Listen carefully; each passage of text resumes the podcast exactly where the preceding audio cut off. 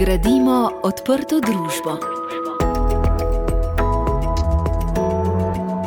Lepo pozdravljeni, drage poslušalke, dragi poslušalci, v decembrski oddaji z begunsko, migracijsko in razvojno tematiko, ki jo pripravlja Jezuitsko združenje za begunce Slovenije. Danes boste lahko slišali drugi del intervjuja, ki smo ga posneli z Jano Lampe, slovenske Karitas. V prvem delu, pred mesecem dni, smo slišali, kako Karitas pomaga v Afriki, torej na celini, iz katere v Evropo prihaja mnogo beguncev, katere aktivnosti izvajajo na tej celini in tudi zakaj, ter kako pomagajo na drugih celinah, kjer so trenutno največje potrebe. No, danes pa nam bo Jana Lampe povedala, kako Karitas pomaga migrantom in beguncem v Sloveniji, kako tudi v državah Zahodnega Balkana. Balkana, odkudar tudi k nam prihajajo migranti in begunci, in tudi dotaknili se bomo mednarodnega projekta Mind in povezanosti med migracijami in razvojem v Sloveniji. Toplo vabljeni k poslušanju. Najprej torej prisluhnimo, na kakšen način slovenska karitas pomaga migrantom in beguncem v Sloveniji, kakšne programe oziroma aktivnosti izvaja. Ja, slovenska karitas ima tudi zdaj že kar nekaj programov za imigrante, ki živijo v Sloveniji. Seveda, potreba je povdariti tukaj, da največ pomoči v Sloveniji gre seveda za pomoč uh, slovenskim družinam v stiski, tudi na splošno 90% pomoči Karitas je temu namenjeno. Uh, je pa seveda vse več imigrantov v Sloveniji, ki so v stiski.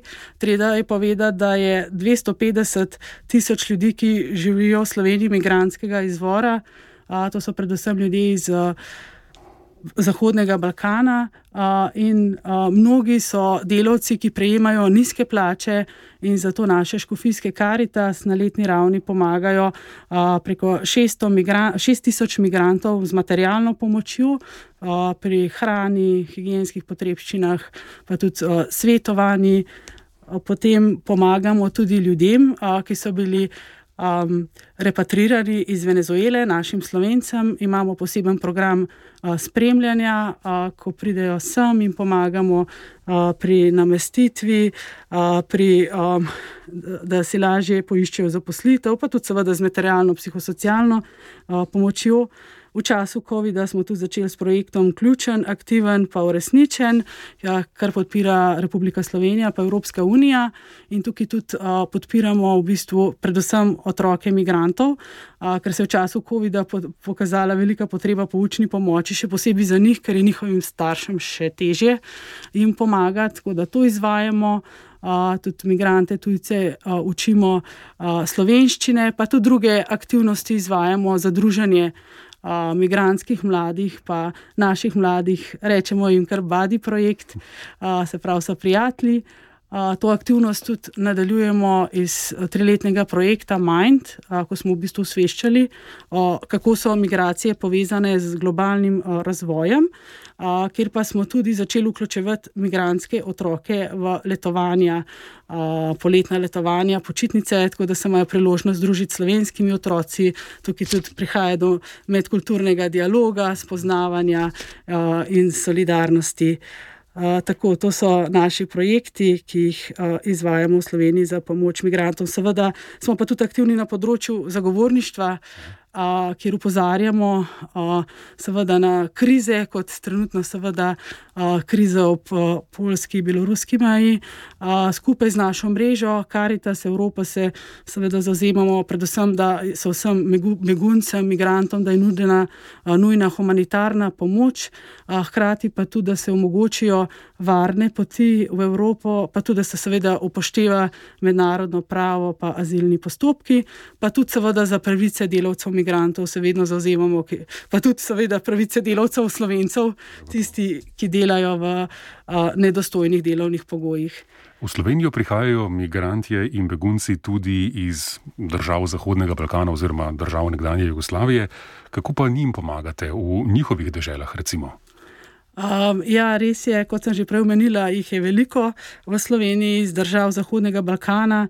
Um, sama sem obiskala veliko teh dežel, od Bosne in Hercegovine, Albanije, uh, jug Srbije, ker vidiš, da je revščina res velika, da ljudje tam nimajo možnosti dela in zato se odločijo, da tudi odidejo uh, drugam za boljšimi uh, pogoji. Ampak hkrati pa istočasno, tako kot v Afriki, pa tudi na območju Zahodnega Balkana, podpiramo predvsem razvojne projekte, pa tudi humanitarne s katerimi bi v bistvu ljudem tam omogočili, da bi lahko dostojno preživeli, kjer so. Izvedli smo dva večja projekta v Bosni in Hercegovini za opolnomočenje žensk, kjer smo jih učili veščin, pa tudi usposabljanja so potekala za zaposlovanje. Zdaj pa tudi poteka že drugi projekt na jugovzhodu Srbije za razvoj ženskega podjetništva v kmetijstvu. Vse te štiri projekte podpira naše Ministrstvo za zunanje zadeve in tam imamo v bistvu kmečke ženske, ki jim pomagamo, da bi bolj izdelovali bolj profesionalne izdelke, pomagamo jim tudi pri promociji na trgu, da bi več prodale, pa tudi pri razširitvi njihovih kapacitet, tako da bi na ta način lažje preživele in ostale tam, ki so. Seveda pa pomagamo tudi preko naše akcije. Ne pozabimo skupaj s Kofijskimi karitas, s to bolj mogoče humanitarno pomočjo, tako kot v Sloveniji, s paketi hrane, higijenskih potrebščin. Še posebej smo to ukrepili tudi v času koronavirusa v Bosni in Hercegovini, ker je tudi mnogo ljudi zaradi pandemije izgubilo delo in smo še bolj pomagali s takšno pomočjo tem družinam. V sklopu mednarodnega projekta Mind ste izdali publikacijo o povezanosti med migracijami in razvojem v Sloveniji. Ali prispevajo migranti k razvoju naše dežele in kako, ter kakšna je njihova vloga v času epidemije? Ja, migranti zelo prispevajo k razvoju Slovenije, v bistvu že od 60-ih let prejšnjega stoletja dalje, ko je bila industrializacija, so mnogi prišli delati v razne, razna podjetja v Sloveniji. Moram povedati enkrat, da je vsak osmi prebivalec Slovenije ima migransko ozadje, največ iz Zahodnega Balkana in predstavljajo kar 11% aktivne delovne populacije, kar je kar velika številka migranti odgovarjajo na to, na negativne posledice staranja prebivalstva v Sloveniji, tudi upada rodnosti, hkrati pa po drugi strani izseljevanja mladih v tujini.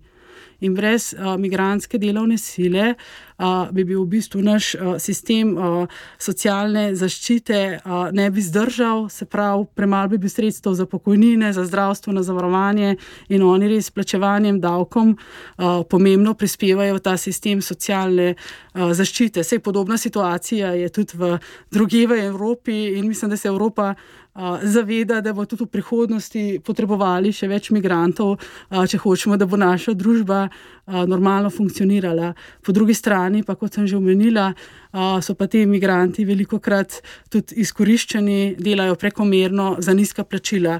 Pa treba je tudi povedati, da večinoma zasedajo tista delovna mesta, ki je slovenska delovna sila.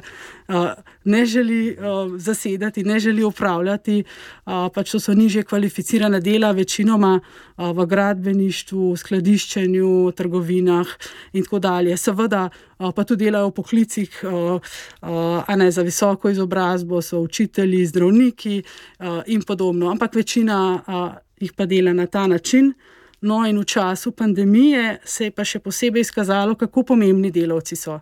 Se jih veliko dela tudi v zdravstvu, veliko medicinskih sester, v negi, v transportu in tako dalje, in so bili na nek način, in so še uh, v prvih bojnih linijah pandemije tudi v Sloveniji. Hkrati je pa prispevek migrantov k razvoju ne samo tukaj, ampak tudi um, v države, iz kjer prihajajo. Se veliko ljudi pošilja potem nekaj, kar zaslužijo tudi domov svojim staršem, družinam, pa ne bo to Balkan ali pa Afrika. In tega je res veliko, včasih ne predstavljamo ta sredstva, ki jih pošiljajo imigranti, so večja kot vsa razvojna pomoč razvitih držav skupaj, ki jih pošiljajo te države. Tako da je res pomemben prispevek tudi za razvoj teh držav. Ja. Jana Lempej iz Slovenske Karitas je bila danes naša gostja. Morda za konec še eno bolj osebno vprašanje. Kaj vas najbolj razveseljuje pri tem nelahkem delu z ubogimi? Ja, sigurno je za me največje veselje, uh, ko vidim, da ima ta naša pomoč, ki jo dajemo preko slovenske karitas. Uh, najrevnejšim državam sveta, ali pa tudi v Sloveniji, da ima res konkretne pozitivne učinke uh, na življenje teh ljudi, da lažje preživijo, da so bolj samostojni, da se jim je povrnilo človekovo dostojanstvo. Uh, ko vidim eno družino, eno osebo, ko vidim, da bolje živi, to je za me največja sreča. Po drugi strani pa seveda tudi razveseljuje, ko vidim, koliko je dobrote med slovenci. Res to se mi vedno tako dotakne. Eh, včasih sem tudi samo v stiku s kakšnim darovalcem, ko pokličejo za kakšno našo akcijo in tako malo poklepetamo. Uh, in si res vesel. Velikrat tudi vidiš, da je to dar ubogov, da, da ljudje še sami nimajo, pa pomagajo drugim. To se me seveda najbolj dotakne. Seveda smo pa veseli tudi vseh velikih uh, darov, tudi darov podjetij, ki se odločajo za kakšno um, tako dobrodelno stvar. Mogoče, če omenim, no, ko sem že ravno omenila podjetja. Uh, zadnjič mi je poklicalo eno podjetje, uh, da bi želelo trajno vsak mesec darovati za eno kozo v Afriki in se mi zdelo tako lepo. tako da to so tiste cvetke, uh, ki dajo res človeku vsak dan neko energijo, zagon, uh, da še naprej delaš, uh, pa da lahko še več pomagaš. Seveda, brez dobrote slovencev res ne gre, tako da pa tudi pomoči naše države. Tako da res iskrena hvala vsakemu za vsak dar, uh, ki pride v prave roke. Tako ste v današnji oddaji lahko slišali drugi del intervjuja z Jano Lampe iz Slovenske Caritas. Novembrsko oddajo in prvi del intervjuja najdete v audio arhivu na spletni strani Radia Ognišče. Ob koncu oddaje, drage poslušalke, dragi poslušalci, zadnjič smo skupaj v letu 2021. Jezuitsko združenje za begunce Slovenije vsem želi naj radost in veselje Božiča traja še dolgo v letu 2022, ki naj bo srečno, uspešno in predvsem zdravo leto. Seveda bomo skupaj tudi v letu 2022, vsako četrto nedeljo ob 18. uri in 30 minut. Zahvaljujemo se vsem, ki podpirate delo Jezuitskega združenja za begunce Slovenije, slovenski provinciji družbe Jezusove in številnim dobrim ljudem, ki preko te oddaje pomagate beguncem, tujcem in prosilcem za mednarodno zaščito. Če želite tudi vi pomagati ljudem, ki zaradi preganjanja iščejo miru kot begunci po svetu, potem pokličite nič 31, 63, 69, 64 nič 31, 63, 69, 64. Veseli bodo vašega klica in vaše pomoči. Tako današnja oddaja, ki jo je pripravil pater Robin Švajger, je končana. Za pozornost se vam zahvaljujem tudi Matjaš Mrljak. Znova torej prisluhnite v nedeljo 23. januarja ob 18.30. Poslušali ste oddajo Gradimo odprto družbo, ki jo pripravlja Jezuitsko združenje za begunce Slovenije. V programu Radio Ognišče je vsako četrto nedeljo v mesecu ob 18. uri in 30 minut.